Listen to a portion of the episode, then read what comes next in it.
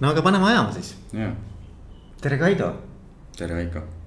et äh, õudselt hea on sind jälle üle tüki aja näha. sama siin, hea meel, et sa kutsusid jälle. et see oli vist mingi kaks pool aastat tagasi, kui. kuule, ma täna hommikul vaatasin, kakskümmend kuus november. kaks tuhat kuusteist tõenäoliselt. kaks tuhat kuusteist. ja, ja ma mäletan, et see oli üks konverents ja äh, Trump oli just võitnud et ma olin poole ööni üleval ja ma mäletan kuidagi selle järgi, et see hommikul vaatasin, scroll isin neid tulemusi ja ja, ja siis äh, seal me ju kohtusime ka alles esimest korda vist, nii et. Kurme kohvikus. jah, ja päris palju aega on mööda läinud. väga äge. et see on äge olnud, sellepärast et äh, ise vaata kasvad kogu aeg ja, ja tõepoolest õpid praktiliselt iga kuuga, iga koolitusega midagi uut, nii et äh, ma ei ole nüüd kuulanud seda, mis, millest me täpsemalt rääkisime kaks pool aastat tagasi, aga. aga ma usun, et, et isegi, kes on kuulanud, siis võib-olla mingid mõtted on, on värsked no mina kuulasin kusjuures, ma just tahtsin kuulata, et mida me rääkisime siis mm. -hmm. kaks pool aastat, noh jah, sisuliselt kaks pool aastat tagasi. ja, ja, ja me rääkisimegi sellest, et, äh, et milline on nagu juhi roll ja mis on see juhi kõige suurem selline nagu inimeste juhtimise aspekt, on ju. -hmm. ja et, et sa rääkisid sellest, et kuidas sa koolitustel äh, nagu inimeste sellist paradigmat nagu natukene nagu püüad noh mm -hmm. muuta okay,. Okay. et see oli väga-väga äge aga ma mõtlesin seda, et ma, ma viskan natukene täna mitte võib-olla isegi küsimusi sulle ette mm. -hmm. aga et mõned teemad, mis ma ise olen enda jaoks kogu nende saja viiekümne vestluse käigus mm. -hmm noh, nagu endale kõrva taha pannud ja siis mõtlen, et nagu, et kuidas noh, mis sinu mõtted nende ja, teemadega seoses. see oleks kõige põnevam tõesti jah. et, et ma olen teinud seda, et ma olen grupeerinud neid tarkuseteri, mis ma siis olen saanud äh, koolitustelt mm -hmm. nagu sellistesse temaatilistesse gruppidesse. ja, ja mul on kuskil sihukene kümmekond nagu sihukest printsiipi või mm, -hmm. või, või ma ei tea, põhimõtet okay,. nagu okay. välja mm -hmm. koorunud seal. Nendelt intervjuudelt. intervjuudelt jah mm. -hmm ja esimene selline teema, mis sealt nagu välja koorub minu jaoks on see, et äh, ma olen seda kuidagi nimetanud niimoodi, et äh, et äh, väline edukus sõltub sisemisest küpsusest või mingisugusest mm. isiksuslikust küpsusest mm.. ja ma püüan seda natukene lahti seletada, siis sa võib-olla saad nagu kontekstist mm. aru. et, et esimene selline nagu äh, noh, argument on nagu see, et, et, et see kuidagi hakkab nagu, nagu juhi seest pihta, et mm. kuivõrd ta iseennast tunneb Mm -hmm. et ta teab, kes ta on, mille eest ta seisab, äh, mis tema jaoks oluline on mm. -hmm. miks ta üldse seda kõike teeb, eks ju mm. -hmm. et see peab kuidagimoodi nagu tiimile ka välja paistma, et see peab kuidagi saama nagu, nagu, nagu äh, tiimi sellise äh, inspiratsiooniallikaks et, et, et ta peab olema ise hästi selge mm. -hmm. ja sealjuures, kusjuures, mis on nagu minu arvates oluline, on see, et see autentsuse pool just mm. -hmm. et, et, et see ei ole nagu mitte nagu välja mõeldud nagu mm. -hmm. noh, et, et see et ei ole. Nagu- mask tegelikult. et see ei ole jah, et see ei ole nagu mm -hmm. noh, et oi, ma pean nüüd, vot nüüd ma pean teadma, mis meie väärtused on yeah.. vaid et, et see on kuidagi nagu, et see tulebki nagu selle juhi seest mm. -hmm ja, ja et, et see tähendab natukene sellist äh, eneseteadlik, mitte natuke, vaid päris mhm. palju eneseteadlikkust, eks ju mm. -hmm. ja, ja tööd iseendaga mm. -hmm. ja mulle meeldis näiteks, mida Toomas Tammsaar ütles. Äh, Toomas Tammsaar ütles, et, et äh, tema on nagu aru saanud, et ei olegi ühte õiget juhimudelit mm. -hmm. vaid nagu, et, et õige ongi see, kui sa oled see, kes sa oled mm. -hmm. et, et nagu, et mõnes mõttes nagu, et kui sa küsid, et kuidas ma juhina peaksin käituma, siis nagu küsi, et kes sa oled ja teegi seda, mis sulle oluline on või mis nagu, aga see ei saa olla mingisugune selline noh, nagu õpitud või, või, või nagu äh, kuidagimoodi nagu kunstlikult nagu omaks võetud asi mm. -hmm. see peab sulle kuidagimoodi päriselt korda minema mm. -hmm. et, et mida, midagi noh, ma ei tea nagu selles suunas, et, et see, et põhimõtteliselt, et seest välja, et, et, et, et see nagu peegeldub, mis sinu sees on, et see peegeldub tegelikult ka sinu tegevusse mm. -hmm ma arvan isiklikult, et see isegi ei ole nagu selline juhtimislik, see ei saa, see ei pea olema juhtimislik. see on tegelikult hästi-hästi inimlik, inimlik printsiip. Ja, ja tõepoolest siia võib panna vaata erinevaid termineid, siia võib panna selle maski, aga. aga võib panna ka identiteedi näiteks, et kui, kui juht nagu püüab luua endast juhi identiteeti või. või ükskõik mis muu ametikohal töötava inimese, sa püüad luua identiteeti, siis sa tekitad nagu duaalsuse, on see nagu päris sina.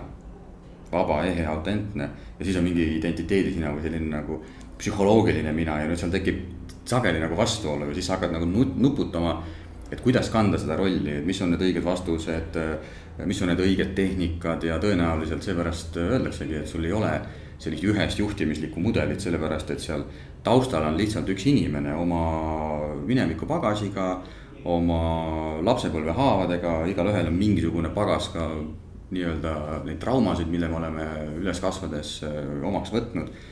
ja nüüd kõige selle peale hakata ehitama Äh, mingeid identiteeti, näiteks juhi identiteeti, siis lõpptulemus võib ka olla väga-väga erinev. Mm.. ehk siis lähtuvalt sellest, missugune on see materjal all, lähtuvalt sellest siis tegelikult kujuneb lõpuks see juht, äh, juht välja.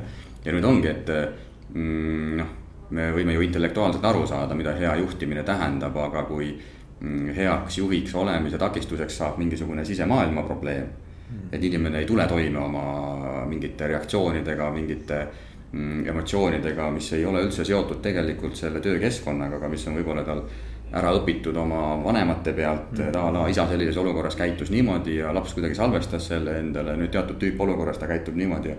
ta saab küll intellektuaalselt aru, et noh, see ei ole mõistlik, et see tekitab mulle endale võib-olla ebamugavust, tekitab teistele ebamugavust, aga ta ei oska ka sellest yeah, välja tulla yeah,. Yeah, ja nüüd see teekond on tõepoolest tegelikult väljast sisse, et nii kaua kui me ei kasuta eneseteadlikkust ja me tegelikult ei püüagi selle kahe tasandiga mõlemaga kontakti saada, et on see identiteedi tasand ja on siis see noh, ma ei tea, kuidas seda nimetada, siis selline olemuslik tasand, et noh, olen nagu olen nagu ilma, ilma ühtegi silti endale lisamata.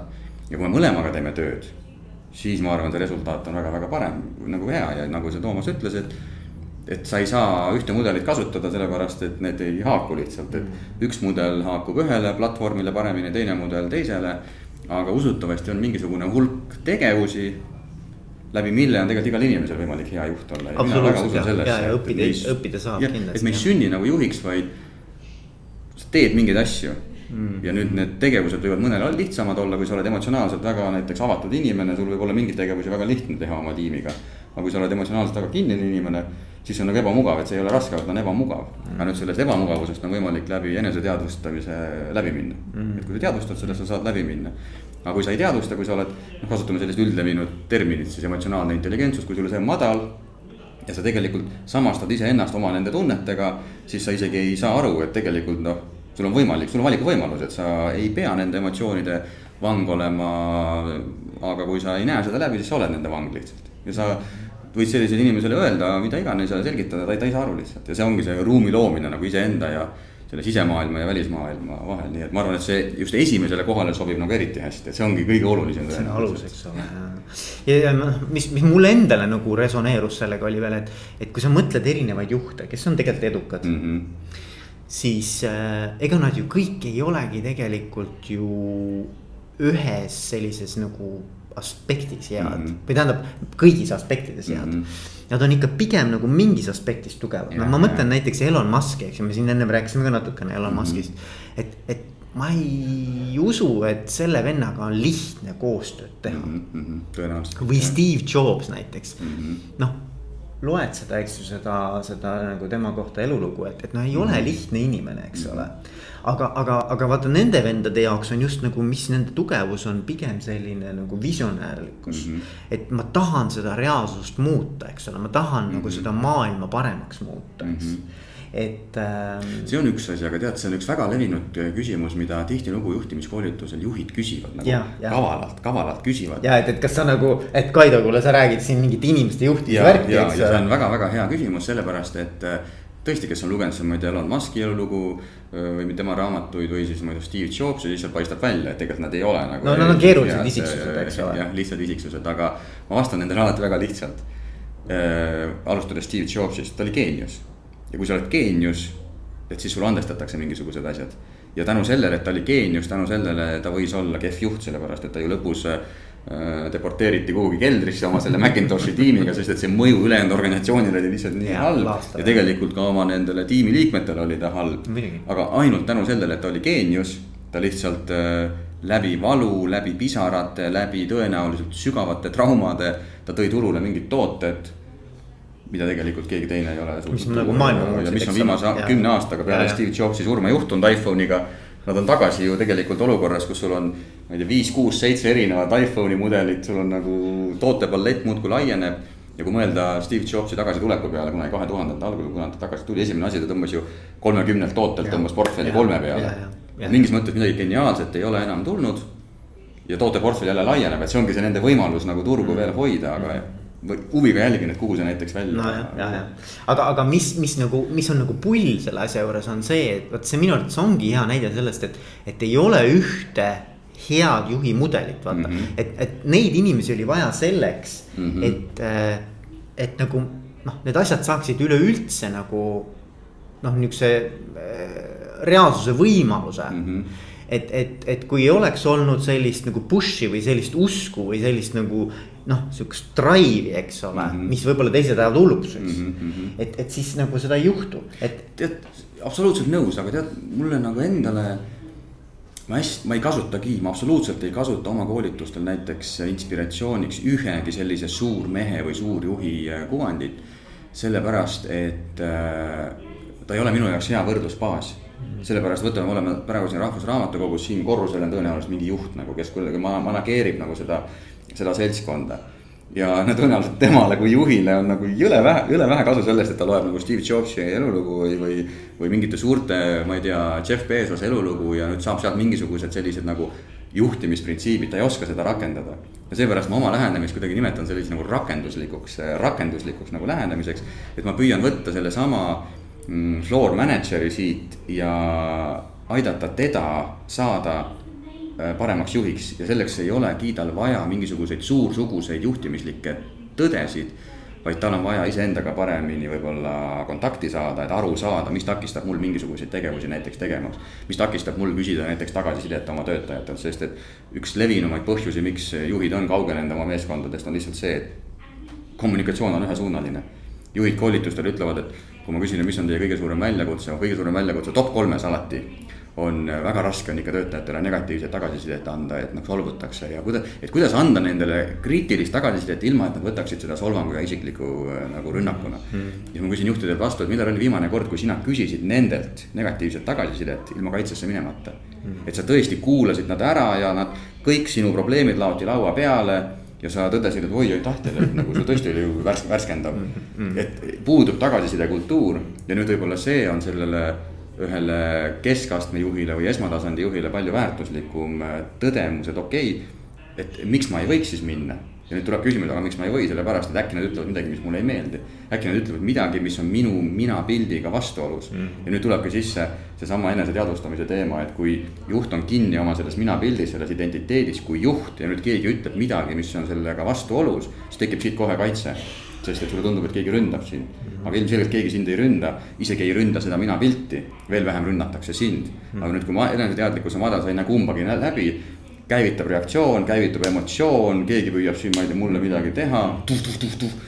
topitakse suud kinni, ole vait ja põhimõtteliselt istub ja mõtleb edasi, et miks nad nagu ei räägi midagi nagu, et noh. aga, aga. seda osa ei nähta läbi tihti. ja, ja, ja ma arvan, et selle nii-öelda enese tundma õppimiseks ongi kõige parem tegelikult tagasiside saamine. et see ongi see enese, noh, see tõstabki eneseteadlikkust, eks ole.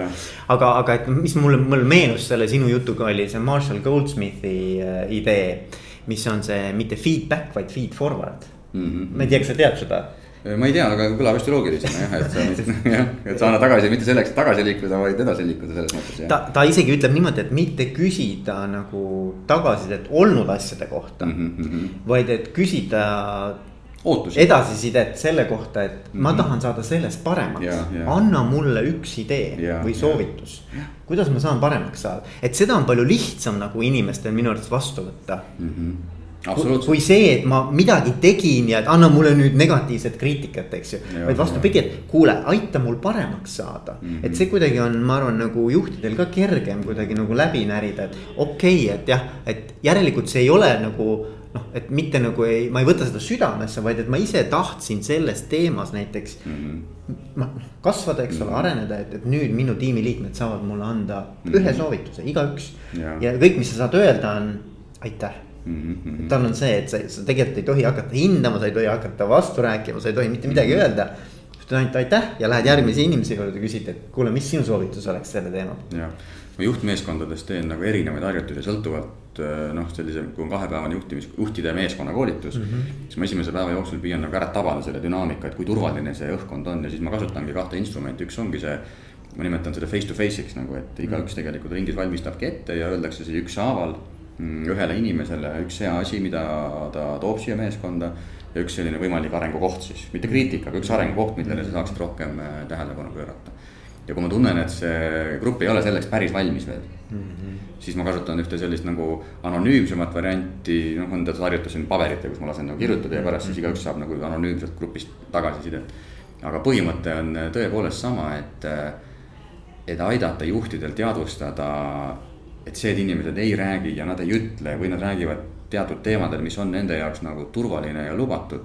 et see ei ole paratamatus, et see on tegelikult juhi enda poolt loodud situatsioon. Ja nüüd, kui ei ole tagasiside kultuuri, kui juht ise ei ole harjunud tagasisidet küsima, ükskõik, kas me sõnastame siis nagu feedback'ina või feed forward'ina või noh, tagasiside või ootused mm. -hmm. siis tegelikult inimesed ka ei võta seda vastu, sellepärast et juht paljuski ka kujundab selle grupi kultuuri ja tema on karjajuht kui tema näitab ette, et tagasisidet vastu ei tohi, ei pea võtma, sellepärast et äh, ma tean, mis ma teen. ma olen täiuslik, äh, ma tean ise oma puudusi, küll ma ise tegelen sellega, ma ei, te ei pea mulle seda ütlema. siis tegelikult see saabki valdavaks meeskonnas ja alateadlikult kõik hakkavad ütlema, et ei, ma ka ei taha nagu, aitäh, ma mm. tean, mida ma teen. Mm. ja siis tekibki selline. ja kusjuures selle eneseteadvustamise suhtes ma kuulasin sind ja mõtlesin, et noh, lasin peast läbi rida, rida juhte näiteks, kellega ma olen kokku puutunud ja mulle tundub, et on tegelikult isegi kahte tüüpi eneseteadvustamine olemas. nüüd selline, ütleme, soft im variant on see, et juht teadvustabki ennast sellisel professionaalsel tasandil. Ta teadvustabki ennast selles identiteedis, juht, minu kui juhi tugevused, minu kui juhi äh, nõrkused, mis asju ma teen juhina õigesti, mis asja ma teen nagu juhina mm, halvasti ja nüüd see on ilmselgelt parem, kui juht üldse neid küsimusi mm -hmm. ei esita mm. -hmm. sest et see juba ikkagi loob pinnase mingitel teemadel vähemalt ja, rääkida aga nüüd see võib-olla sügavam eneseteadvustamine, et see on siis nagu identiteedi üle, ülene, et sa mitte ei teadvusta lihtsalt oma selle identiteedist tulenevaid plusse-miinuseid. Vaid sa teadvustad üldsegi nagu oma sisemaailma, et kui me räägime nagu päris sisemaailmast, et a la, mis on need reaktsioonid, mis on need mõtted, mis on need uskumused, milles ma kinni olen. kuidas ma näen maailma, mis on mu väärtused, miks ma nii näen, miks nad põrkuvad, milles konfliktid tekivad, millest solvumised tekivad, kõik need asjad on vaata siin sisemaailmas äh, toimuvad mm. ja nüüd sa võid olla oma sellest identiteedi tasandis väga teadlik. Aga see ei aita sul selle osaga ikkagi läbi mm, seda läbi töötada. sest et ka see identiteet saab nagu toidu sellest sügavamast mhm. tasandist mm. -hmm. see identiteet toitub tegelikult sinu sisemaailmas, sinu tänasest uskumuste maailmast, sinu tänasest väärtuste maailmast, sinu tänastest sisse õpitud emotsioonidest. ja nüüd võibki vaadata kahel tasandil, nüüd ma tean väga-väga palju juhte kes sellisel nagu professionaalsel tasandil on ülimalt teadlikud. Nad loevad raamatuid, nad on väga-väga targad ja üldse mitte nagu praegu noh, pahas, pahas mõttes ongi väga-väga targad. aga sa nendega suheldes tunned, et seda, seda järgmist tasandit oleks veel vaja nagu, et mitte ainult teada, et sa juhina oled tark ja professionaalne aga väike samm edasi veel, et vaata, kuidasmoodi sa võib-olla isiksusena oled ja vaata mismoodi sul seal need asjad käivad. vaata, mulle praegu meenus selle sinu jutu peale see, et, et see võib ka olla nagu, nagu selline nagu argument, miks ma ei muutu mm. -hmm. vaata, et, et noh, need on minu tugevused, need on minu nõrkused, selline ma olen, eks ole mm. -hmm. et noh, saad aru, et vaata, et see võib nagu muutuda ka selliseks, et äh, take it or leave it on ju. ja nüüd vot väga, väga õige ja nüüd minu tugevused ja nõrkused on tegelikult minu uskumus. ma usun, et see on tugevus, ma usun, et see on nõrkus ja nüüd see ongi see, ütleme, nimetame seda esimese tasandi tead-, tead-, tead, teadvustamine. ma teadvustan oma tugevusi, ma teadvustan oma nõrkusi ja nüüd teise tasandi teadvustamine tähendab seda, et ma teadvustan seda, et need mõlemad tegelikult on illusioon. Need mõlemad on tegelikult. või noh, muudetavad, ütleme muudetavad nojah, nad on, nad, see on mõte lihtsalt ma olen harjunud mõtlema niimoodi. no ma käitun ka niimoodi, aga et nagu, et, et ta on selles mõttes reaalne, et ma käitun vastavalt nendele uskumustele, aga need on muudetavad. absoluutselt, absoluutselt ja, ja, ja, loomulikult sa käitud sellepärast, et ta ju annab läbi sinu emotsioonide, annab see sulle ja. impulsi kogu aeg, et okei okay,, ma usun, et see on niimoodi. ja nüüd ongi, et, et ma võitlen selle nimel, et see püsiks, ma võitlen selle nimel, et asjad läheksid nii, nagu ma usun mm. ja nüüd kui sa isegi püüad oma käitumist parandada, aga sa oma uskumusi läbi ei näe mm., siis see on väga-väga lühiajaline, sellepärast et. Läheb põrkuvad kohe. põrkuvad kohe, jah. ja, ja, aga see on jah põnev, et, et kuidas nagu, kuidas, aga, aga kas noh, selles mõttes illusioon, eks ole, uskumused, aga et, et ähm, et noh, midagi vaata nagu kas isiksuslikul tasandil, sina usud seda, et on midagi, mis on nagu natuke nagu sihuke DNA moodi. et noh, see muutub, on võimeline muutuma, aga väga raskesti mm. -hmm. et sul ikkagi midagi on nagu noh, sihukest püsivat, mingi püsiv struktuur ikkagi isiksuslikul mm -hmm. tasandil ka. tead, see läheb veitsa nagu võib-olla selle podcast'i jaoks nagu tiibiks ära. ei lähe, no aga meie okay, podcast okay. ongi väga tiib. okei okay,, väga hea, absoluutselt absoluutselt. Kogu, kogu DNA pärilikkus puudutab meie sellist, ütleme isiksuslikku külge, et selles pole nagu küsimustki. ja nüüd äh, meil on võimalik ennast siis nagu näha erinevates aspektides, et äh, ma võin ennast teadvustada siis nagu isiksusena ja minu need mustrid ja ja näiteks õnnepsühholoogia või positiivse psühholoogia eksperdid ütlevad ka, et äh, nendel on selline kookdiagramm, nad ütlevad et, viiskümmend protsenti on geneetiline, tegelikult. Seda sa nagu muuta ei saa, nad ütlevad, see on nagu happiness baseline, oled nagu oled. ja ma ütlen isiklikult, minu ema on pigem nagu selline kõva muretseja ikka nagu ütleme nagu hardcore. ütleme, eestlased on ja, ka ikkagi. Hardcore tüüp ja ma tunnen täiega, et see on mulle kaasa tulnud. ma olen ka selline hardcore ikka, muretseja. muretseja, sa ei paista küll muretseja no, aga tegelikult ma olen sellega hädas okay. ja nüüd äh, kümme protsenti on siis äh, välised tingimused mis on sageli üllatav, sest et meile meeldib olla ohver, nagu meile meeldib öelda, et noh, minu enesetunne, kõik on tingitud sellest ja nüüd see nelikümmend protsenti on siis, nad nimetavad seda siis nagu see mindset. ja see eelkõige koosnebki siis Äh, mida ma mõtlen ja kuidas ma asjadest mõtlen ja mida ma siis teen.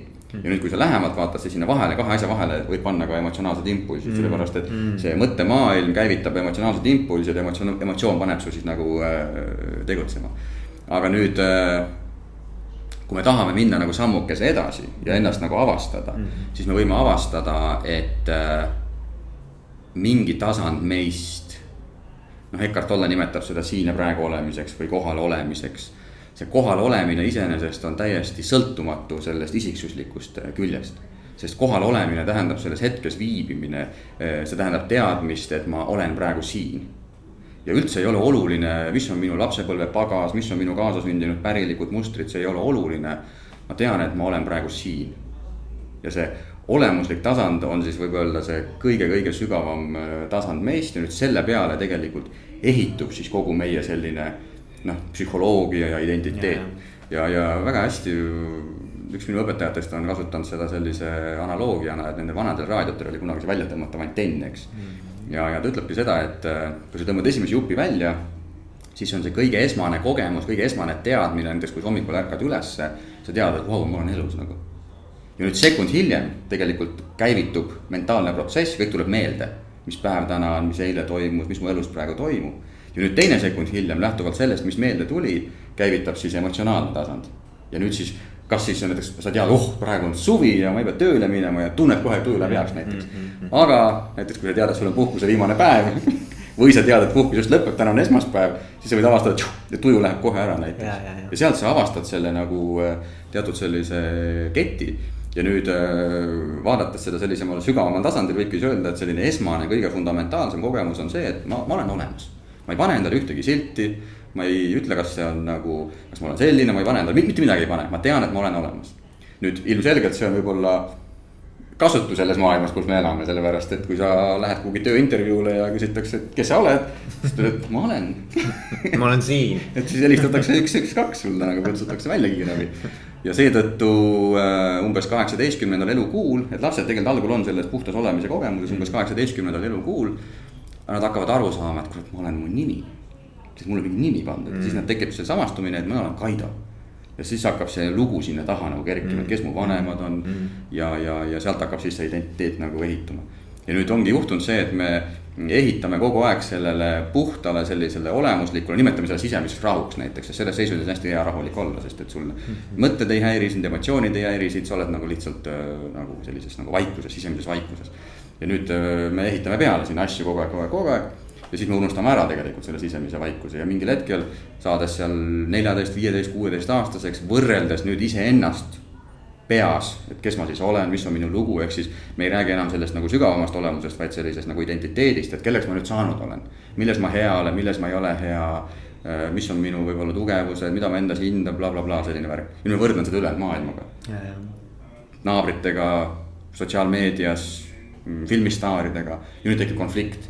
et ma tunnen, et ma tahan olla rohkem, sellepärast et kuskil on inimesed, kes on nii palju rohkem kui mina ja nüüd teades ennast, ma tunnen, et ma olen nagu vähem, nüüd ma hakkan nagu püüdlema siis selle suunas mm. -hmm. ja see mudel, mis meie ühiskonnas siis on, ongi see, et saad hea hariduse, saad hea töökoha, saad palju palka, siis sa oled tähtis, siis inimesed teavad sind, nad räägivad sinust.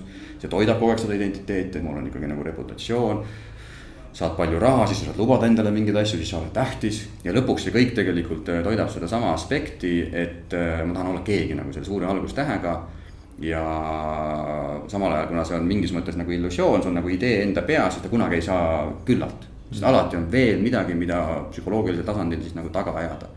ja nüüd, äh, miks paljud inimesed hakkavad sellise enesearengu ja eneseotsinguga tegelema, ega nad ei otsi ju seda õiget pilti. noh, algul otsivad tegelikult, et kes ma siis olen, ma pean aru saama, kes ma olen, okei okay. ma olen ärimees nagu, siis sa proovid mingit äri käivitada ja vaatad, kolm korda ebaõnnestud. kurat, ma ei ole ärimees tegelikult, tegelikult ma sain aru, et ma olen tegelikult ikkagi loom, loominimene ma proovin laulmist. ja siis sa äh, leiad uue identiteedi, kus ma olen laulja tegelikult. proovid nii ja proovid naapidi, käid karaoke baaris, teed Youtube'i, no ei kuku välja noh. ei tule auditooriumit taga, siis avastad, et kurat, ma ei ole laulja tegelikult. tegelikult ma olen vaimne, ma olen vaimne õpetaja ja siis sa loed hunniku vaimseid raamatuid läbi, hakkad joogaga tegelema ja hakkad nälgima ja hakkad taimetoitluseks ja käid ringi, paned mingid, mingid hilbud, hilbud selga, siis sa käid ringi. püüad alati hästi õnnelik olla, ma olen hästi vaimne nüüd mm.. samal ajal ikka sisemiselt nagu tühi ja õnnetu, see on järjekordne identiteet. ja no lõpuks ei olegi vahet, et mis tüüpi identiteedi sa üles ehitad, võrdsustades selle egoga.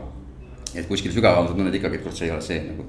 Ja nüüd mingil hetkel sa hakkad vaatama sügavamale, vaatad, et see ei toida nagu, ükskõik mis rolli ma võtan, ükskõik kus ma püüan, et see ei toida, et midagi on ikka sees nagu puudu. Ja siis sa teatud mingite võib-olla ajaliste, aeg, aeg, aeg tuleb siin kasuks teatud harjutuste kaudu, sa võid jõuda siis sellisema sügavama olemusliku kogemuseni ja saad aru, et lõpuks ei ole vahet, mis nagu maski ma täna ette panen, kas ma olen nagu joogaõpetaja, laulja või, või juht. kõigepealt ma olen ja nüüd, kui sa selles seisundis püüad äh, püsida ja, ja olla, siis sa avastad, et siin on nagu see vundament olemas. et seda keegi mult ära võtta ei saa. ja nüüd, kui sa õpid nagu ütleme siis äh, lülituma sellest nagu identiteedist välja siia sügavamasse rahusse siis see annab sulle nagu ütleme, kõikvõimsa tunde. et okei okay,, mm, ükski uskumus tegelikult ei ole mulle mm, ütleme siis nagu äh, lõputu, sellepärast et ma võin sellesse uskumise lõpetada ja võin selle asendada mingi teise uskumusega. ükski mõte, ükski võrdlus, mis mu peas, need on kõik mõttematerjal, ükski emotsioon tegelikult, need on kõik nagu mööduvad nähtused. ja siis sa avastadki sellise mängu nagu.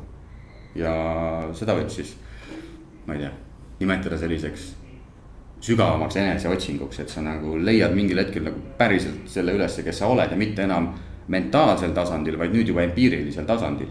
Ja mõnele võib olla see avastus väga-väga hirmutav, sa avastad, et kurat, ei olegi keegi nagu ma olen lihtsalt nagu mm., ma ei pane ühtegi mm. silti mm. ja nüüd nii, kui sa kõikidest siltidest loobud, nii sa kogud, koged nagu sisemist rahu. aga nüüd nii, kui sa lülitud selles rahuseisundis sellesse identiteeti ja avastad, et oh, mis mul kasu sellest olemisest on, ma tahan ikka olla keegi, vaata, kuidas need siin teevad ja mida need saavutavad. ja siis kogu trall nagu hakkab äh, uuesti mm. mm. pihta.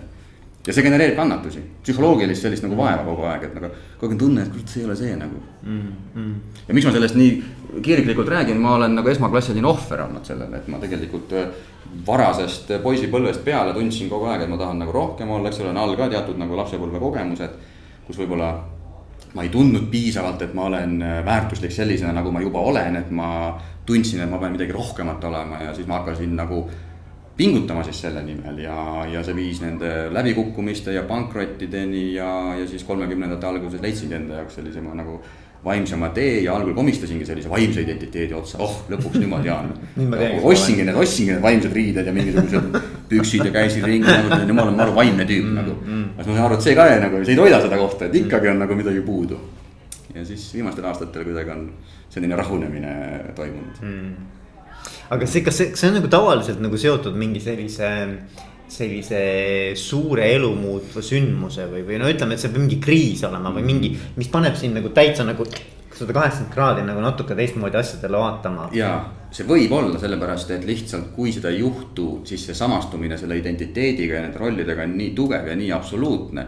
et selles rollis olles või selles identiteedi varjus käies sa isegi ei saa aru, et on teine tee olemas mm. -hmm. Ja nüüd, kui sa oled piltlikult öeldes nurka surutud ja hapnik on otsas siis sa hakkad äh, küsima endalt suuri küsimusi ja siis sa võidki avastada, et vau, et tegelikult mingi tee on veel nagu.. kas, kas mina olen näiteks tunnetanud seda, et sa lased nagu lahti et mm, -hmm. et vaata, et, et mulle tundub, et need identiteedid või noh, need story'd, mida sa endale räägid, uskumused. Need on nagu mingisugused sellised nagu piiravad või natukene nagu kuidagimoodi, et noh, nagu sa ütled, pead olema. mitte, mitte, mitte natukene, aga ainult, see on ainult mõttemüra okay, okay, okay. kogu identiteet on ainult mentaalne ja emotsionaalne komponent nagu kokku kleebituna okay.. mentaalne pool loob nagu pildi ja emotsionaalne pool siis kogu aeg reageerib sellele, et kui, kui see pilt iseendast kellegagi võrreldes on parem mõnest näiteks. siis on hästi, on ju. siis sa tunned, oh mul on jee, ma olen teinud midagi, ma olen saavutanud midagi. ja siis järgmisel hetkel keegi sõidab mööda nagu, keda sa mõtled, kurat küll, see on veel parem kui mina. siis mõtled, oi fuck, ma pean uuesti. ja siis sa avastadki, et see tegelikult on mingisugune möll, mis käib sinu mm. sees, aga sina oled tegelikult selle kõige pealtvaataja, et mingil tasandil sa lihtsalt teadvustad seda. aga, aga ma mõtlengi, et noh, et, et, et vaata, kui sa oled nurka surutud, nagu sa ütled, eks ju mm -hmm.. elu sõidab sinust niimoodi üle, eks ju mm -hmm et sa lihtsalt pead lahti laskma, sest et mhm. kui sa nüüd, sest see, see erinevus nüüd mm -hmm. identiteedi ja sinu praeguse olukorraga on nii suur. et, et sa lihtsalt, kui sa lahti ei lase, sa lähed hulluks. jah, aga väga oluline on siin teadvustada, et sa ei pea lahti laskma mitte materiaalsel tasandil, vaid lahti laskmine käib äh, mentaalsel tasandil. see, see ke, ke, kehas, kas, kas see ei käi nagu, sa tunned kehas? seda ma tahangi öelda, et see, et sa oled kiindunud edusse see tähendab seda, et sa hoiad, äh, sa hoiad nagu kinni kõikidest oma nendest välistest asjadest ja sa arvadki, et kõik need välised asjad teevad sind nagu maru õnnelikuks. aga kui sa hakkad lähemalt vaatama, siis sa avastad, et sa tegelikult hoiad kinni nendest endas sees ja nüüd, kui sa endas sees avastad selle, ütled, et mm. ma naudin seda kõike, et ma, ma, ma, ma elan ka vastavalt nagu väga normaalset elu nagu, et sõidan normaalse autoga, elan normaalses majas ma ei tunne, et ma peaksin selle kõik ära andma, et nüüd ma olen nagu, oh, ma olen nüüd, ma ei tea, kes, et absoluutselt mitte. ma naudin kõiki neid hüvesid mm., aga ma ei ole sisemiselt eriti klammerdunud nendesse, et ma mm, sõna otseses mõttes, kui keegi küsib mult raha ja ma näen, et tal on vaja seda raha, siis ma näiteks annan talle selle mm. raha mm. praegu, kui ma sõidan selle autoga, loomulikult mulle meeldib, ma naudin selle auto hüvesid, aga ma ei tunne, et midagi mu elus oleks nagu väga-väga kapitaalselt valesti, kui mul see auto näiteks ära võetaks. aga viisteist aastat tagasi minu sel tolleaegne auto oli minu osa identiteedist ja ma tundsin, et okei okay,, et, et tänu sellele, et see auto on mul, et nüüd ma olen keegi. Mm.. ja vot see on see asi, et see lahtilaskmine toimub sisemiselt. Mm. ja sa võid jätkuvalt elada väga-väga normaalset elu, aga sisemiselt olla nagu vaba. Mm.. ja nüüd sa ei, sul ei ole seda psühholoogilist vaevust nii palju, et sa kaitsed seda ja, ja pead kogu aeg nagu mõtlema, kuidas muidu veel seda saada, vaid sa saad nagu keskenduda nendele olulistele asjadele ja sa saadki keskenduda väärtuse loomisele, sa saadki keskenduda. kui me räägime täna nagu juhtimislikus võtmes hea juhtimisele. sa saad keskenduda oma tiimi arendamisele, sa saad nagu nendele asjadele keskenduda ja nüüd see edu tuleb selle resultaadina aga kui sa oled sisemiselt kiindunud edusse, siis sa kasutad kõiki vahendeid lihtsalt, et edukas olla. ja see edukas on nagu, edukas mm. olemine on nagu see mm -hmm. lõppeesmärk, aga siin peab toimuma minu jaoks, minu, vähemalt minu jaoks toimus selline nagu nihe mm. -hmm. et niikaua, kui ma olin kinni hoidnud sellest edust, niikaua kuidagi nagu ei läinud asjad mm. -hmm. aga kui ma suutsin sellest lahti lasta ja hakkasin keskenduma nagu päris asjadele, siis kuidagi need materiaalsed asjad ka nagu lahenesid ära, noh mu enda kogemus näiteks oli selline mm. -hmm jah, ma, ma, ma nagu, ma just nagu mõtlen seda, et, et selline nagu lah, lahti laskmise tunne. et mm -hmm. kuivõrd vabastav see võib tegelikult olla, eks ole mm -hmm., et ma mäletan, kui ma käisin ma arvan, et ma olen seda tundnud sel hetkel, kui ma käisin rattaga Lõuna-Ameerikas rändamas mm. -hmm sest et seal oli nagu see, et, et, et ma pidin lihtsalt uskuma, et kõik läheb hästi mm. -hmm. sest sa ei teadnud, mis on järgmise nurga taga, mitte kunagi sa ei teadnud, mis järgmise mhm. nurga taga ootab sind mm. -hmm. Polnud aimu ka, eks väga hea kogemus jah. et, et nagu, et, et ühel hetkel sa pead lihtsalt usaldama, et ükskõik, mis tuleb, et see on okei okay.. jah, absoluutselt nõus. et kuidagi muidu sa muretsed, vaata, seal olid nagu baasmured, noh mm -hmm., kust ma juua saan vett, eks ole mm, -hmm. kus on soe magada, eks ju mm. -hmm. et no hästi nagu kõik läks ülipraktiliseks nagu mm -hmm. minu jaoks, sest see on mägedes, eks ole sa ei tea, mis seal on, kes seal on, kas seal üldse midagi on, eks ole. Mhm. ja vaata, siin ei tohi nüüd kõlama jääda selline asi, mis äh, kümmekond aastat tagasi, kui ma neid nagu vaimseid ja, ja, ja eneseabiraamatuid lugesin, et seal ka räägiti sellest lahtilaskmisest ja usalda elu. Need kaks asja ei ole üksteisega vastuolus mm., tegutsemine ja lahtilaskmine mm. -hmm. ma võin praegu kõigest lahti lasta, ma võin olla praegu selles lihtsas olemise kogemuses aga ma võin sinuga rääkida, ma võin kirjutada artikli oma koolitusel, ma lasen absoluutselt kõigest sel hetkel lahti, aga ma räägin, suhestun. ja nüüd ma olengi avastanud, et mida rohkem sa tegelikult sellisest nagu mentaalsest poolest lahti lased, seda rohkem sa kuidagi lülitud mingisugusesse sisemisse tarkusesse. ja seal hoopiski teistsugused instrumendid tulevad sinu kasutusse tuleb intuitsioon näiteks intuitiivselt tegelikult tabad ära mingisuguseid asju, tuleb inspiratsioon. tuleb taipamine näiteks, et sa hakkad tegelikult taipama mingeid lahendusi, mida sa elu sees ei suudaks nii välja mõelda, noh nimetame loovuseks selle mm. -hmm. ja nüüd sa tegelikult hakkad neid asju kasutama ja nüüd, kui sa tahad oma elu üles ehitada, ükskõik mis võtmes edukas siis olla. siis sa tegelikult hakkadki kasutama neid instrumente selleks mm, -hmm. aga see lahtilaskmine toimubki ainult peas ja võib-olla teisiti öelduna tähendabki lõdvestumine, et näiteks eh, üks minu selliseid õpetajaid ka, keda ma olen aastaid jälginud, tema ütleb, et eh, proovi lihtsalt lõdvestuda kaheks kuni viieks sekundiks. Mm.. ära proovi kaheks kuni viieks päevaks nagu. Oh,, ma sõidan nüüd ära ja nüüd ma olen nagu siin Indias kuskil ja ma ei mõtle mitte millelegi ja siis su elu nagu variseb kokku.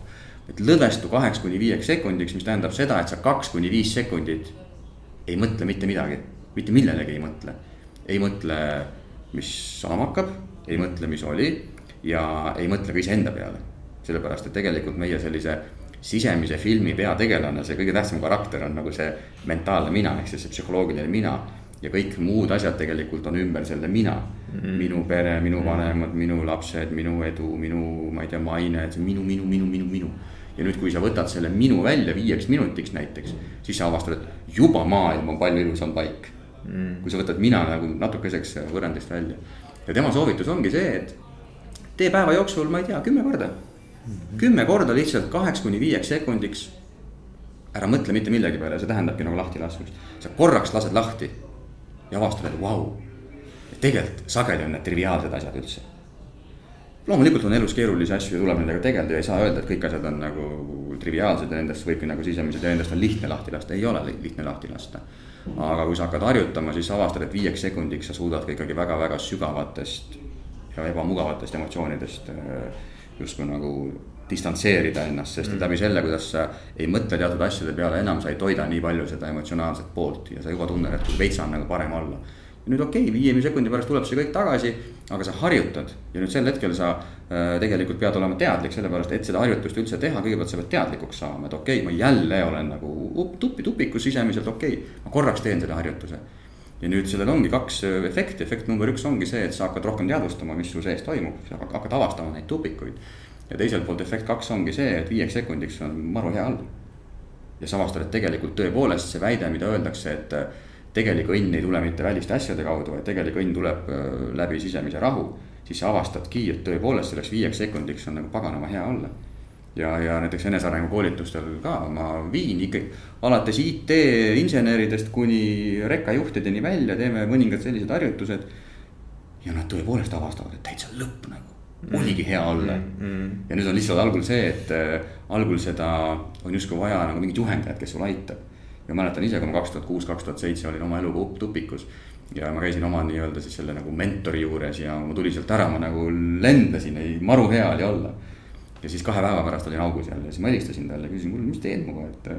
et, et miks ma ise ei oska teha. et ütleb, et no algul ei oska, aga ühel hetkel sa õpid ära mm.. ja nüüd ma saan ka aru, et see eh, harjumuspärasus oma mõtetest, oma uskumustest, oma veendumustest kinni hoida on nii tugev et algul on kedagi vaja, kes nagu aitab veitsa nendest nagu vabastada või, või ennast nagu korraks lahti lasta. ja mingil hetkel sa õpid ära selle ja siis sa saad iseennast juba aidata mm. -hmm. et see on selline ja, ja. minu isiklik kogemus.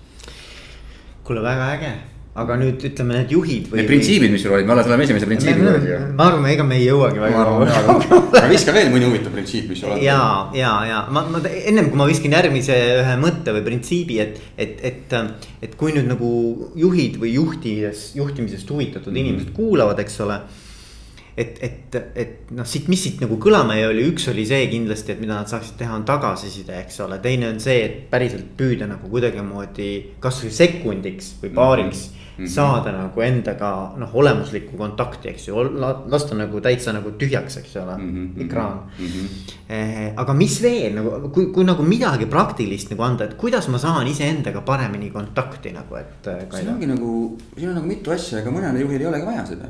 tal mm -hmm. ei ole, tal ei ole halb mm -hmm. olla endaga, et tal ei ole, ta võibki seda kuulata ja ta ütleb, et mul ei ole sellega probleeme ja siin on kaks varianti, et kas ta ei teadvusta seda, eks ta on nii harjunud selle mm. -hmm kerge pingega ja võib-olla tal ei olegi pinget, mõni on loomuomaselt näiteks, ta on hästi-hästi selline nagu võtab kergelt asju ja tal ei olegi sellist tüüpi stressi mm. näiteks, millega paljud silmitsi seisavad. nii et kindlasti ei saa öelda, et see on nagu mingi kohustuslik asi kõikidele juhtidele absoluutselt, et, et need harjutused, millest ja see teekond, millest me praegu rääkisime, see on äh, kõikide nende rollide ülene, et vahet pole, kas sa oled koolitaja, oled sa poemüüja, oled. lapsevanem, midagi. jah, et seal ei ole vahet, et me räägime tegelikult sellisel sügaval inimlikul tasandil. aga juhtidele, mida ma enda koolituste algul paljudele juhtidele küsin ja mis minu arust aitab nagu juhtidel teadvustada ennast juhina, on see, et ma küsin talt, et. et mis te arvate, kuidas oleks sinu alluvuses töötada kui ma tuleksin sinu alluvusse tööle näiteks ja töötaksin viis kuud ära ja läheksin reede õhtul koju ja naine küsib, et kui ta on. et mida ma naisele päriselt ütleksin mm, -hmm. mitte siis, kui sina oled kõrval ja sina küsid, noh, kuidas läheb, siis ma ütlen, mhm. no üldiselt väga hästi läheb. vaid mida, mida ma kodus naisele ütleksin mm -hmm. nagu, kas ma ütleksin, et väga kihvt on, et töö meeldib ja, ja, ja töövahendid, kõik on korras. Mm, õhkkond on toetav, juht on hoidnud sellise tugeva meeskonna tunne, meeskonna vaimu, juht ise ka märkab, arvestab, et kas ma ütleks seda või ma ütleks seda, et ei tea, et noh, normaalne, et noh, töö saab tehtud, et juhti eriti ei näe, ta ei sega mm,. vahepeal käib, toimetab, selline nagu normaalne juht. või siis ütlen seda, et väga hull on, et äh, tegelikult juht istub kukil, ainult nõuab, kunagi ei kiida, me pingutame, ta ei märka seda, ta võtab seda kõik iseenesestmõistetavana. et mis võiks olla tegelikult see, mida ma talle ütleksin ja paljud juhid on tegelikult sedapidi justkui tõusnud iseendast kõrgemale ja hakanud siis oma käitumist korraks nagu kõrvalt vaatama, et mis oleks see päris kogemus. sest et noh, sa oled ka oma nendel ju podcast idel algul küsinud juhtide käest, mille eest juhile palka mm. makstakse mm. -hmm. ja, ja olles paljusid sinu podcast'e kuulanud, siis ma tihtilugu enda peas mõttes olen vastanud, et siin peaks ju nagu eraldama kaks nagu tasu, nagu emotsionaalne tasu ja, ja materiaalne tasu, et me elame hästi sellises materialistlikus ja rahapõhises ja kasumipõhises eh, maailmas. ja nüüd eh, juhti hindab tema juht, aga tema juht ootab juhilt tulemusi. ja loomulikult, kui me küsime niipidi, siis me saame öelda, et jah, et juhile makstakse palka ju selle tulemuse toomises mm., pole kahtlust ka mm.. aga kui me võtame korraks raha võrrandist välja ja ütleme, et aga kuidas premeerivad näiteks töötajad juhti rahaga nad ei saa premeerida, aga nad saavad premeerida näiteks oma koostööga. et nad on tõesti nagu koostöövalmid juhiga, nad saavad premeerida teda avatusega. juhil on paratamatult vaja uuendusi teha, tal on paratamatult vaja muudatusi läbi viia, tal on paratamatult vaja mõnikord, et töötajad astuksid mingi lisasammu. ja see on ka mingis mõttes see preemia, nad ei pea seda maksma juhile, neil ei ole kohustust Nad võivad öelda, et minu töölepingus on kirjas vot need kaheksateist asja, need on tehtud mm. -hmm. ja see, kuidasmoodi sina oma asjad korda saad, see on nagu sinu töö, et sellega tegele ise ja nüüd, kui küsida, et, et mille eest töötajad juhile palka maksavad. et mis peaks olema need eeltingimused, mille puhul töötajad tunnevad, et tõepoolest see on kihvt juht. et ma tahan tal aidata edukas olla ja sest, et juhi edu võrdub alati ju meeskonna edu mm. -hmm. ja seal on hoopis teised asjad, asjad, seal on sellised nagu emotsionaalsed, emotsionaalsed asjad, et see, et mina tahaksin oma juhile vastu anda. siis ma pean tundma, et tema annab mulle kõigepealt midagi mm. -hmm. mitte ainult tööülesanded ja kuu lõpus palga, aga ja. midagi mida ma inimesena vajan mm. -hmm. ja kui niipidi vaadata, siis me jõuamegi jälle tagasi selle sama aspektini, et, et püüa nagu ennast panna korraks nende inimeste alluvusse, keda sa päriselt juhid. ja küsi endalt, et kuidas oleks nagu tööl käia. ma kakskümmend kaks päeva kuus tulen nagu siia keskkonda, sinu alluvusse.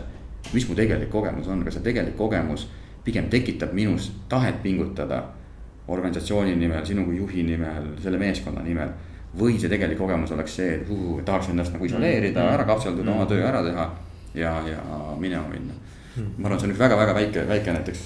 ja, ja ei, see on väga hea teadlikkuse nagu, see on nagu, et oled nagu kärbes seina peal, vaatad.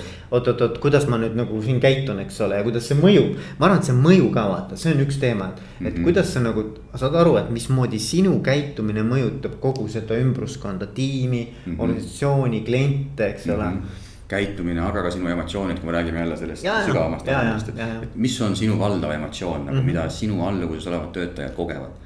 kas nad kogevad neutraal, neutraalsust näiteks mm, -hmm. neutraalne mm, -hmm. adekvaatne.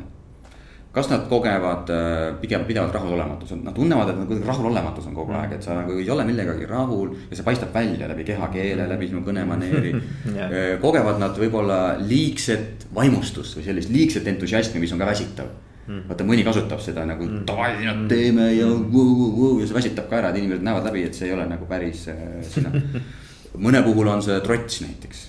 just on trotsis kuidagi selline nagu, ta ei ole rahul mingite asjadega, mis võib-olla majas laiemalt toimub, mis mm. kuidagi mm. kandub nagu üle. ja nüüd ongi see, et, et kui sa teadvustad ainult käitumist, siis tegelikult selle eel sa peaksid hakkama teadvustama, et mis on see emotsionaalne yeah, foon yeah,, yeah, mis tegelikult yeah. seda tekitab.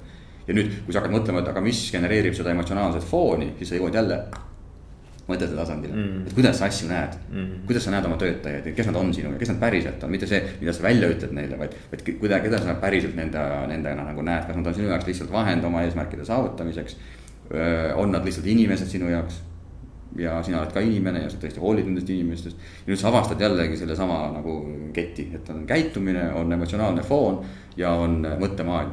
Ükskõik, mis ametis sa oled, kui sa tahad ennast muuta efektiivsemaks ja edukaks, sa ei saa üle ega ümber tegelikult sellest mehhanismist, et seda vaatluse alla rohkem äh, võtta. no see ei ole juhtide teema, see on tegelikult kõikide inimeste teema, see on enesejuhtimise teema, eks ole. jah, jah kuule, aga see, mis sa viimati ütlesid, see tegelikult lähebki ühe printsiibiga väga hästi kokku. et see kõlab niimoodi, ma olen selle sõnastanud niimoodi, et eduelamuse ootus trumpab üle hirmu ebaedu ees e. eduelamuse ootus trumpab üle hirmu ebaedu ees. kas sa mõtled seda praegu öö, töötaja tasandil või juhi tasandil? kõikidel tasanditel mm -hmm.. noh, püüan jälle natukene lahti rääkida seda mm. -hmm. et noh, mis ma näiteks olen õppinud, on see, et et paljud juhid äh, defineerisid, et nemad tunnevad, nad on edukad siis mm, -hmm. kui nad saavad tunda rõõmu oma tiimiliikmete võitude üle mm. -hmm. et, et nad ei pea olema mingid suured võidud, vaid mm -hmm. mingid asjad, mis mm -hmm. nende inimeste jaoks läks nagu väga korda, nad mm -hmm. said selle, sellega hästi hakkama et siis tunneb juht, et tema on ka edukas olnud mm -hmm. ja ta mhm. seda nagu tunnustab, ta seda nagu celebreerib või noh, nagu äh,. tähistab, tähistab, eks mm -hmm. ole et, äh, et, et, et see fookus on nagu siis pigem nagu, et mis on nagu hästi läinud. mille üle me võime uhked olla, eks ju mm. -hmm. ja siis teine lähenemine on vastupidi, just nimelt see, kus ma otsin kogu aeg, et mida saab paremini teha. et, et see fookus on mm -hmm. sellele, et, et hästi, aga et noh, see hästi on nagu seal üks protsent mm -hmm. ja siis tuleb kogu see lugu, mida kõike järgmine kord võiks teha nagu teistmoodi, eks ju. ja, ja ja ta teeb seda heast tahtest, kavatsus on hea, mõlemil on kavatsused head mm. -hmm. Nad tahavad, et tegelikult tulemused paremad mm -hmm. oleksid. aga lihtsalt ühe fookus on see, et ta keskendubki sellele, et äh, mis juba tegelikult on väga hästi mm -hmm. ja sealjuures loomulikult me räägime, et noh, et mm. -hmm äkki on midagi, mis on võimalik paremini teha, aga see protsent on nagu väiksem kui see, mille üle me tegelikult nagu head meelt tunneme mm. -hmm. ja teisel on vastupidi, et see fookus on täiesti nagu, nagu keeratud pigem sellele, et. et noh, see, et on hästi, normaalne mm, -hmm. seda, sellest me ei räägi mm. -hmm. ja kõik on nagu keskendunud sellele, et äh, mida veel saaks nagu mm. -hmm keerame veel nagu vinti peale, et kuidas veel paremaks saab, on ju. kas see võib siis sõnastada ka teistmoodi sellesama asja, et et sellel esimesel juhul on fookuses inimesed ja juht tunneb, et minu roll on aidata nendel inimestel edukas olla. ja teisel juhul on juhi fookuses lihtsalt mingid tulemused ja tema roll, tema tunneb enda rollina, minu roll on võimalikult selgelt näidata, mis on vaja ja see, kuidas te jõuate selleni, et see on nagu sinu enda see on sinu enda mure, ära, ära selles osas minult nagu väga tuge oota. ma nii ei, ma, ma isegi nii ei ole mõelnud, aga jah, see on õige, ma arvan, ma arvan, et see on nii. ja teine fakt, mis ma nüüd kuulates siin nagu, mis mm -hmm. mul tuleb nagu, et, et kuidas seda veel nagu lahti seletada, on see, et. et äh, kui sa keskendud nagu sellisele positiivsele, et, et siis äh, sa kuidagi nagu kas teadlikult või intuitiivselt äh, nagu tunnetad ära, et inimesed tahavadki teha oma tööd hästi mm -hmm. ja nad teevad niikuinii nii hästi, kui nad suudavad. see, et sa nüüd lendad peale mm -hmm. ja ütled, et kurat, et kes te siin, miks te nii ei teinud, miks te naa ei teinud isegi kui seal on mm -hmm. see ruum nii-öelda kasvada mm, -hmm. areneda vähe paremini mm. -hmm. siis ta saab aru, et inimesed täna ongi sellel arenguastmel ja ma ei, ma tegelikult ei saa neid muuta läbi selle, et ma sõidan sisse mm. -hmm. absoluutselt nõus. et kuidagi nagu see mingisugune selline ka rahu, vaata, ma arvan, ma arvan, et see on mm -hmm. nagu rahu sellega, et et, et asjad lähevadki täpselt nii, nagu nad minema peavad, mitte mm, -hmm. mitte pahas mõttes, et lasen lahti ja, ja noh, et, et mind üldse ei huvita. vaid et, et ma saan aru, et igal inimesel ongi täna see tema parim mm. -hmm, absoluutselt. ja, ja see on okei okay Mm -hmm. ja vastupidi, teine minu arvates on see, et, et võib-olla see isegi uskumus seal all on see, et inimesed ei teegi oma tööd hästi või et. et nagu, et ma pean alati nagu äh,, nagu kuidagi nagu inimesi nagu push ima selleks et nad mhm. teeksid veel paremini mm. -hmm. ja saad aru, et seal on nagu see inimese käsitlus ka mm -hmm. erinev. ja seal on ka tegelikult teatud nagu teadusuuringud all, et ma kunagi lugesin sellist raamatut nagu happiness advantage ja seal on siis Harvardi professor äh, Sean Aker, kes on siis äh, piltlikult öeldes nagu sadu ja tuhandeid uuringuid läbi töötanud ja pannud niimoodi kirja siis seitse mm, edu printsiipi, mis tugene, tuginevad optimismile ja positiivsusel ja, ja väga-väga põnev raamat ja seal on räägitud ühest uuringust, kuidas siis tõesti võeti, ma ei mäleta, mis klassi õpilased, jagati nad, tehti mingid testid ja siis valiti kolm täiesti suvalist välja, öeldi õpetajatele ja õpetajale, et davai, need on mingid geeniused. tegelikult nad ei olnud geeniused ja siis äh, õpetaja oli imestunud, vau, et pole nagu varem tähelegi pannud. Aga noh, kui nii, siis nii, numbrid räägivad iseenda eest yeah.. ja huvitav oli see, et talle öeldi, et ära selle välja näita kuidagi, et sa ei tohi ikkagi neid kuidagi eelistama mm. hakata, aga ajas nende laste nagu edukus äh, ilmneski. ja nüüd äh, absoluutselt. Ja nüüd, kui juht on piisavalt eneseteadlik ja ta tegelikult suudab registreerida ja eristada neid uskumusi, et tõepoolest, et ma mingil kummalisel põhjusel oma töötajatesse suhtun pigem sellise skepsisega, pigem eeldusega, et nad on laisad, nad ei taha teha. Nad töötavad vastu. ei saa hakkama, eks ole. Versus, kui seal all on see, et ma äh, usun, et nad tahavad hakkama saada ja minu ülesanne on veid, neid veitsa aidata. aga ma tooksin nüüd oma kogemuses sisse siia ühe lisamõtte. mõnikord ongi sellised inimesed, kes on laisad. ongi sattunud selline inimene, kes ongi mugavustsoonis, kes piltlikult öeldes käib seal sellepärast, et tal on igav. näiteks tean mitmeid juhtumeid, kui on nagu, mehel on edukas firma, tal raha tegelikult ei ole vaja. ja tal on, tuli lapsepuhkuselt ja tal on igav nagu ja ta ei viitsi tegelikult nagu mm. pingutada või on keegi, kes on pensionieelik näiteks mm., ütleb, et. ma teen oma tööd nii hästi kui võimalik, andke mulle need kaks aastat veel. ärge mult oodake nagu liiga palju, ma ei viitsi, ma olen mm. nagu mm. kuuskümmend juba mm ja sa peadki nüüd arvestama sellega, et mõnikord tuleb nende inimestega need tõsised vestlused ka maha pidada ja öeldagi, et et okei okay,, et ma annan sulle selle võimaluse ja, ja loomulikult ma hindan sinu ausust ja okei okay,, ma teeme sinuga siis selle erandi. aga mõnikord on ikkagi päris laisportsid ka, kes kasutavadki seda eh, võib-olla juhi, ütleme siis sellist kerget hirmu vastanduda, neid raskeid kõnelusi läbi viia.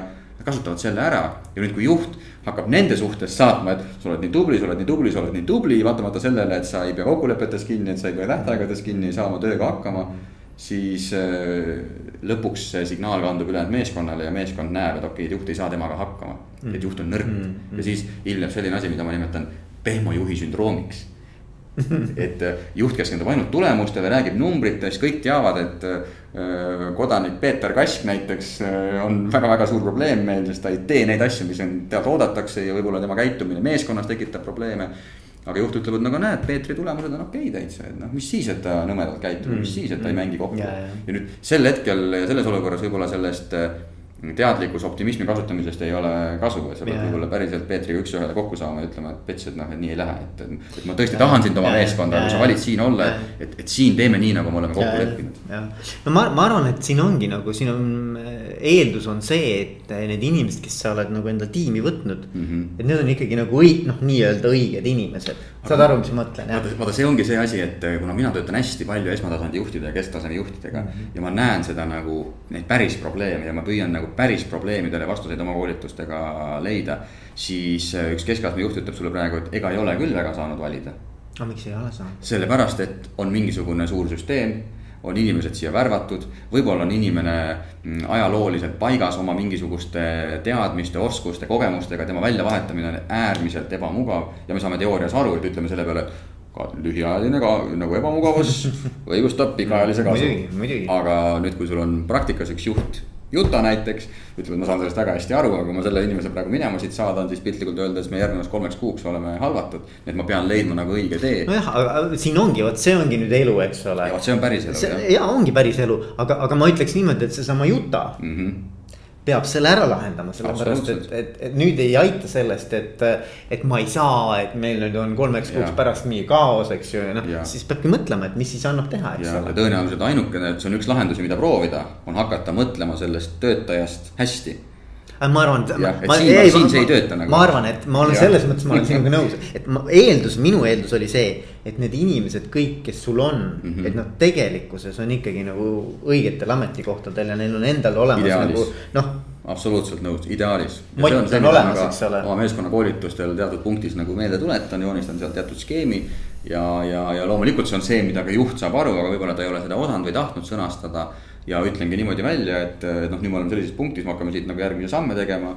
ja ma eeldan, et praegu on ruumis need inimesed, kes tahavad Ja. selle meeskonna Ja. edukaks teha ja kui on Ja. keegi, kes tunneb, et ta tegelikult ei taha. siis tegelikult sinu siia jäämine on natukene ebamoraalne, sellepärast et juht tegelikult arvestab sinuga, ta arvestab, et need inimesed on vabatahtlikult siin ja ta eeldab, et kõik inimesed tahavad juhti aidata mm. -hmm. ja vot see on see koht, kus kohas nii mõnelgi, ütleme siis sellisel mugavustsoonis oleval inimesel lööb kergeks ikkagi nagu silmad tuhmiks.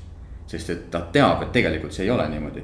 ta teab, et tegelikult ma olen seda neliteist aastat seda tööd teinud ja nüüd tuleb mingi uus juht ja hakkab siin nagu mingeid uusi reegleid seadma. ja ta teeb täpselt seda nägu, mida sina praegu teed mm. aga see, mis tal sisemaailmas toimub ja mis film tal siin ketrama hakkab, mõtleb, et okei okay,, et kuidas nüüd sellest olukorrast välja tulla, et kätt ma ei saa ju tõsta ja öelda, et mina ei taha siin olla noh, tegelikult saab, aga ta ei tee ta ei tee seda ilmselgelt, sest ta on, tahab oma töökohta säilitada. Mm., aga sisemuses ta tunneb, et ei, ei, ei, ei, ei, mina küll ei viitsi nagu muutuda. Mm.. ja nüüd tekib juba see konflikt. Ja nüüd äh, tõepoolest Juta siis juhina järgmisel päeval ju näeb seda, et see inimene ei ole nagu päris selles energias, nüüd on küsimus. et mis tööriistad mina ju koolitajana saan Jutale anda, et ta selles olukorras nagu toime tuleks mm.. sest et kui ta distantseerib ennast, siis ülejäänud grupp kohe näeb, et okei okay,, et Ja. see ei mängi kaasa, juht Ja. midagi ei ütle, Ja. jällegi kaos. aga noh, siin on jällegi see, et noh, mina, ma olen väga paljude juhtidega rääkinud meeskonna ko- noh, nagu komplekteerimisest mm. -hmm. ja, ja, ja kõigil on nagu hästi selge reegel, et, et kui nad võtavad selle juhi rolli vastu, siis nad saavad täieliku õigusega jah, tiimi. ideaalis muidugi. et, et noh, et, et isegi see- mitte ideaalis, see peakski nii see olema. peakski nii olema, aga me ütleme, räägime päris elus, Veiko. ja mul oli kaks nädalat tagasi kohtusin ühe oma kliendiga, kes küsis mult sellise küsimuse, et kuule, et meil on üks müügidirektor, tema on juht siis, tema tuli ettevõtte juhiks. ja mul on müügidirektor ja müügidirektor põhimõtteliselt on omanikega väga hea isiklik sõber ja ta põhimõtteliselt äh, ei tee kaasa neid asju, mida me oleme nagu juhtkonna tasandil ära äh, kokku leppinud.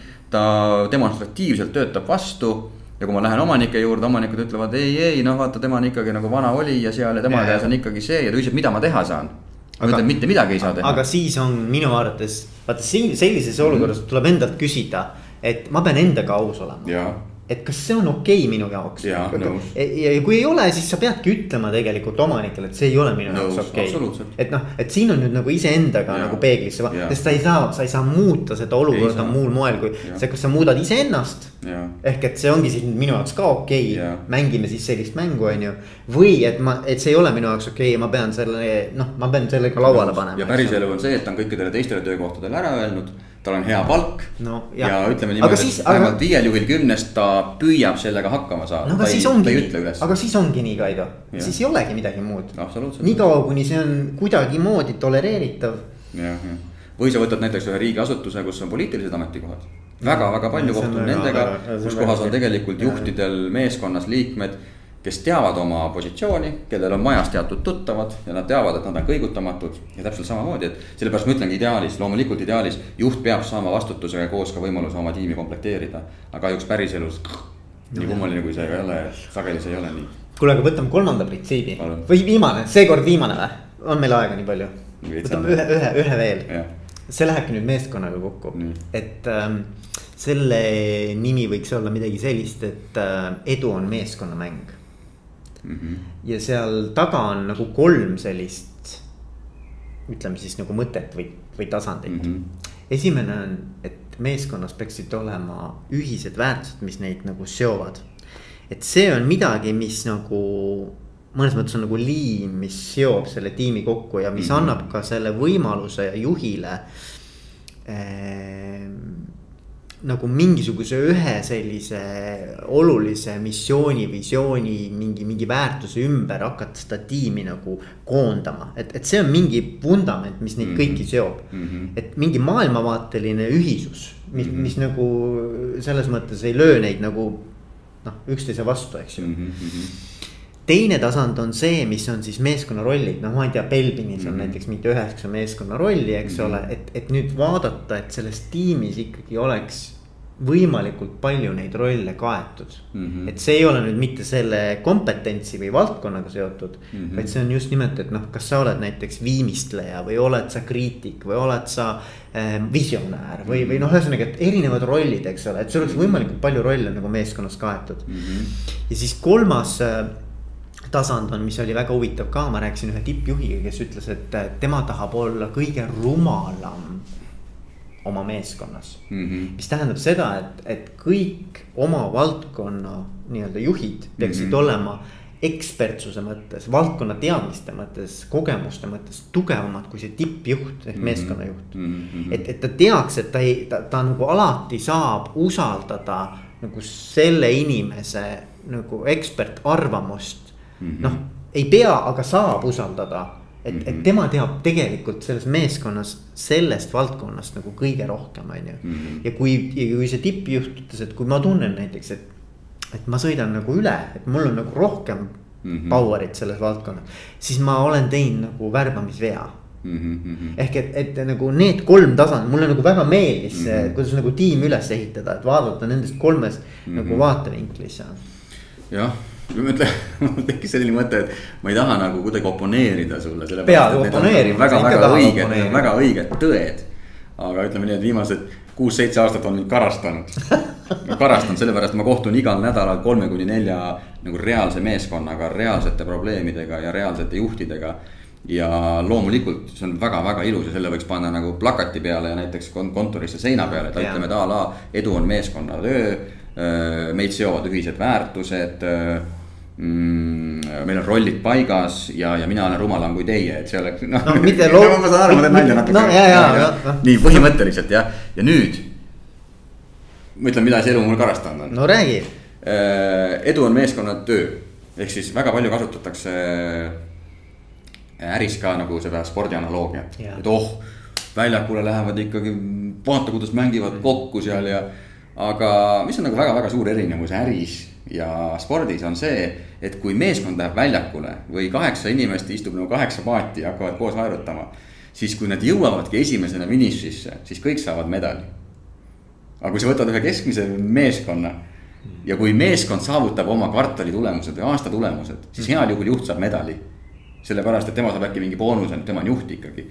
töötajad heal juhul saavad nagu oma palga üldjuhul nad ei saa isegi mingit emotsionaalset preemiat selles mõttes, et juht neid tunnustaks selle eest, et juht ütleb, et aga see on kinni makstud, see on palga sees, et te peategi edukad olema. et see ei olnud midagi erakordset, mida te praegu saavutasite okay.. ehk siis nüüd, kui me paneme nagu päris, võtame kümme inimest ja ütleme talle, et edu saavutame siis, kui me koostööd teeme, siis need kõik ütlevad loomulikult nagu ega nad lollid ei ole, saavad ju väga hästi aru. aga nad lähevad tagasi oma töökohale ja küsivad, okei okay,, et kus on minu karikas. mis on minu karikas, kui me selle asja ära teeme? see, et sina juhina saad edukas olla see ei ole piisavalt nagu, nii palju palka maksad, okei okay,, no see on turu keskmine. ja nüüd, kui sa oled keskastme juht, sul ei olegi võimalik nende palka ju suurendada ja jääbki ainult alles mitterahaline pool. ja seepärast ka räägitakse, et kui sa tahad inimesi päriselt tööle saada, sa pead juhtimiskultuuri ka võtma ühe ressursina kasutusele. Mm.. nüüd sa ei saa maksta nendele seda karikat välja rahas, aga sa saad neile karika välja maksta näiteks emotsionaalselt. Sa märkad, sa tunnustad, sa kaasad ja sa tekitad nendes selle meeskonna vaimu. Ja see on nagu üks asi teine asi, mitte kunagi ei saa ära äh, unustada seda, et mm, spordimeeskond näiteks, kui spordimeeskond on väljakul. ja üks nendest on kapten ehk siis mängujuht, keda mingis mõttes võib nagu samastada juhiks, juhina äritiimis. siis mis põhimõtteliselt eristab kaptenit juhist, on see, et kapten ei saa otseselt kedagi vallandada mistõttu sa võid kaptenile öelda asju nii, nagu sa päriselt asjadest arvad mm. -hmm. kui kapten ikkagi ei tee väljakul head tööd, siis sa ütled talle, et kurat, sa ei ole mingi kapten, meil on uut kaptenit vaja mm. -hmm. aga ma tahaks näha seda töötajat, kes läheb, ütleb kohvipausil oma juhile, et sa ei ole üldse mingi juht nagu, et sa ei saa üldse oma tööga hakkama, meil oleks uut juhti vaja. no näiteks. ma, ma, ikka võib olla ju, miks ei või. oleme nüüd realistid jälle, kui palju neid töötajaid. ei no mitte lähevad... palju, aga ma arvan, ma arvan, et, et kui sa, kui, kui sa lood sellise õhkkonna ma, sa ei pea niimoodi tagasisidet mm -hmm. andma, et sa ei ole mingi juht. no ma natuke utreerin, aga põhimõtteliselt. aga, aga tegelikult see on hästi palju, nii nagu me ennem rääkisime, et see on juhi enda eeskuju. juhi enda, absoluutselt, kui Väga, juht on jõudnud nii kaugele. aga paljud juhid ei ole jõudnud nii kaugele. ja nüüd, mis selle hind on, hind ongi see, et ei olegi sellist tüüpi usaldust ei saagi rääkida asjadest nii, nagu asjad on, vaid sa pigem mängid turvalist mängu. Mm.. sa pigem ütled neid asju, mis on juhi vaadetega kooskõlas, sa pigem öö, näitad talle, et sa oled rahul, sest sa ei taha tegelikult neid pingeid tekitada. Ja nüüd seepärast me saame küll teoorias väga hästi aru, et muidugi on koostöö väga-väga oluline edu saavutamisel, aga siin on teatud psühholoogilised tegurid. Ja kui nüüd juht seda ei teadvusta ehk siis jällegi jõuame eneseteadvustamiseni, siis tegelikult ta võibki tellida koolitusi, ta võib lugeda neid raamatuid, aga kui ta ei lähe sellest barjäärist läbi ja ta ei teadvusta seda tegelikkust, kuidas ülejäänud meeskond võib-olla tajub seda koostööd. kuidas nemad tegelikult vajavad ka midagi, et siis tegelikult ei, ei, ei, ei, ei ärka ellu nagu. ja, ja. ja sama nende väärtustega, et äh, me ju ka äh, koostame neid tiimiraamatuid ja teeme neid väärtusi meeskonnakoolitustel ja seal on täpselt sama asi, et väga-väga palju on meeskondi, kus nad võivad peast tsiteerida kõiki väärtusi ja ilmselgelt nad saavad aru, et need on olulised mm.. aga kui ma küsin näiteks, okei okay,, võtame selle väärtuse, teil on väärtus usaldusväärsus, ütle mulle, kuidas eile usaldusväärsus sinu töös välja paistis mm. -hmm. et mida sa eile tegid näiteks oma töös sellist, et sa tead, et see oli kooskõlas selle nagu väärtusega ja sealt tulevad üldjuhul nagu tuhmid pilgud, sellepärast et ta ei ole mõelnud, mis mõttes, et ja. see on ju väärtus, aga see on nagu korporatiivväärtus, mis see minu tööga on seotud. juba jälle näiteks näitab seda, nüüd ongi, et need väärtused on nagu skelett ja, ja võib öelda, et minu koolitaja ülesanne on aidata neil liha neile niimoodi peale panna. et vahet pole, kas sa oled keskastme juht või sa oled tõesti nagu teenindaja. et sa saad aru, et, et see on tõesti mingis mõttes selline sisemine juhis nagu, et okei okay, mm., et püüame neid asju nii teha, sest me usume, et need asjad võiksid päriselt nagu kõigile edu tuua, mitte ainult organisatsioonile, aga see võib-olla sisemine edu noh, ma mõtlen niimoodi, et, et, et, et võib-olla, mida ma ka ei taha, et siin jääb kõlama mm, -hmm. on mhm. see, et, et noh, et, et, et see kõik on nagu sihuke noh, praktikas võimatu. et, et, et tegelikkuses, mis, mis, mis selle podcast'i mm -hmm. ju mhm. põhimõte mm -hmm. on see, et, et, et, et just nimelt, et, et see, mis päriselus on, võib-olla ei toimi või noh, et noh nagu, et, et tõesti need asjad nagu ei käi nii, nagu võiksid käia, et siis see annaks inspiratsiooni nendele inimestele. ma täpsustan, see on võimatu nii kaua, kui juht on valmis peeglisse vaatama. niipea kui juht aga, peeglisse vaatab, niipea kõik need asjad muutuvad. enamus nagu, inimesi, kes üldse kuulavad sellist asja ah,, okay. on tegelikult valmis. nõus, absoluutselt, jah ja siis ongi see, et kui sa neid asju teadvustad, siis sa saadki sealt nagu edasi liikuda ja küsida, okei okay,, mis on need järgmised, järgmised sammud, absoluutselt nõus. et kindlasti ei ole minu jutu mõte selles et väärtused ei ole olulised, meeskonna, absoluutselt mu sõnum ei ole see, vaid mu sõnum on see, et äh, paljud äh, juhtimisraamatud, paljud võib-olla ka koolitused, ma ei ole nagu liiga palju koolitustel käinud. aga nad annavad perfektsed väga,, väga-väga head mudelid mm. -hmm. aga see inimene läheb koolituselt koju, võtame selle juta mm -hmm. ja mõtleb, et okei okay,, et mul on nagu töö juures sellised probleemid, ma saan aru küll, et meeskonnatöö on nagu edu võti, aga Nad ei taha ju kokku mängida, et, et, et nüüd on küsimus, mida mina jutana saan teha homme. vot see on see lünk. ja, ja ma, ja ma arvan, ma, ma arvan, et siis juta peaks tegelikult hakkama iseendaga tegelema. on, on, ma arvan, ma arvan, me jõuame, me oleme kõikide nende teemadega jõudnud lõpuks ja. sinna, et, et, et kui jutal on probleem, siis jut, ja nüüd ongi see, mina ei taha ennast siin nagu promoda, aga see on see, mille peale mina olen kogu oma ju, näiteks juhtimiskoolitused üles ehitanud, sest ma olin ju motivatsioonikoolitaja algul. ja mina olin siis see mees, kes kutsuti äh, rikkis meeskondade ette, tee korda ja mõni juht ütles, et kuna minuga on kõik korras, mina ise ei tule, et tee nemad korda. ja siis ma esimesed aastad uskusingi, et oh kui mõnus, ma lähen teen nad korda ja räägin nendele ja sütitasin neid seal. Mm-hmm. ja siis ühel hetkel on, vaatasid mind sellise pilguga, et loll oled nagu, et töö mulle meeldib, mul töö vastu midagi ei ole, aga vaata, mis siin nagu ümber toimub. et see üks päev. et tegelikult oleks pidanud tegema selle, sellele koolituse juhile. ja siis ma hakkasingi juhtidele ütlema, et davai, teeme motivatsioonikoolituse, aga ennem teeme küsitluse mm.. et see, miks sina arvad, et nende motivatsioon on kadunud, on üks vaade, ma tahan näha nende vaadet mm. -hmm. ja siis oligi seal, on kolm plokki, siiamaani teen neid küsitlusi mm. -hmm. on tööplokk, et las nad siis hindavad, kas töö üldiselt meeldib. on meeskonnaplokk, et kuidas siis tegelikult on olukord meeskonnas mm. -hmm. ja siis on juhi plokk, et mis on juhi roll selles kõiges mm. -hmm. ja mis sa arvad, kes kõige rohkem kodarasse saab üldjuhul no juht ikka. juht loomulikult nagu. Ja nüüd ongi see, kui algul kujunes välja see mitterahalise motiveerimise programm, ma hakkasin reaalselt võtma neid samu kommentaare ja otsima nendele reaalseid vastuseid. Mm.. et mida juhid on tegelikult nagu märkamata jäänud, sest et ma isiklikult ei tea ühtegi pahatahtlikku juhti. jah, aga on nagu mingid pimenurgad, mingid varjuküljed, et mida ta, mida see juta nüüd saaks reaalselt minna ja teha ära selleks, et vot see lünk ära täita ja nüüd selle silla ma püüan siis nendele, nendele ja, anda. ja loomulikult see, mis need mudelid, mis me praegu räägime, see on nagu alus aga nüüd on küsimus, et kuidas Juta saaks selle nagu ellu rakendada, et see on. ma arvan, nagu Juta, Juta peab äh, tulema koolitusele ja peab äh, coaching ut võtma kõvasti. jah, näiteks, üks, üks variant või on ka väga palju juhtimisalaseid raamatuid näiteks. jah, jah, aga ma, ma arvan jällegi, ma, mis, mis mulle meeldib selles sinu sellises nii-öelda natukene sellises nagu opositsioon. vastu nagu. jah, see siis nagu noh, et nagu nihuke, et, et mis mulle meeldib selle juures on see, et, et ma olen nõus, et inimesed võivad ammutada neid suurepäraseid mudeleid, neid põhimõtteid, ideid.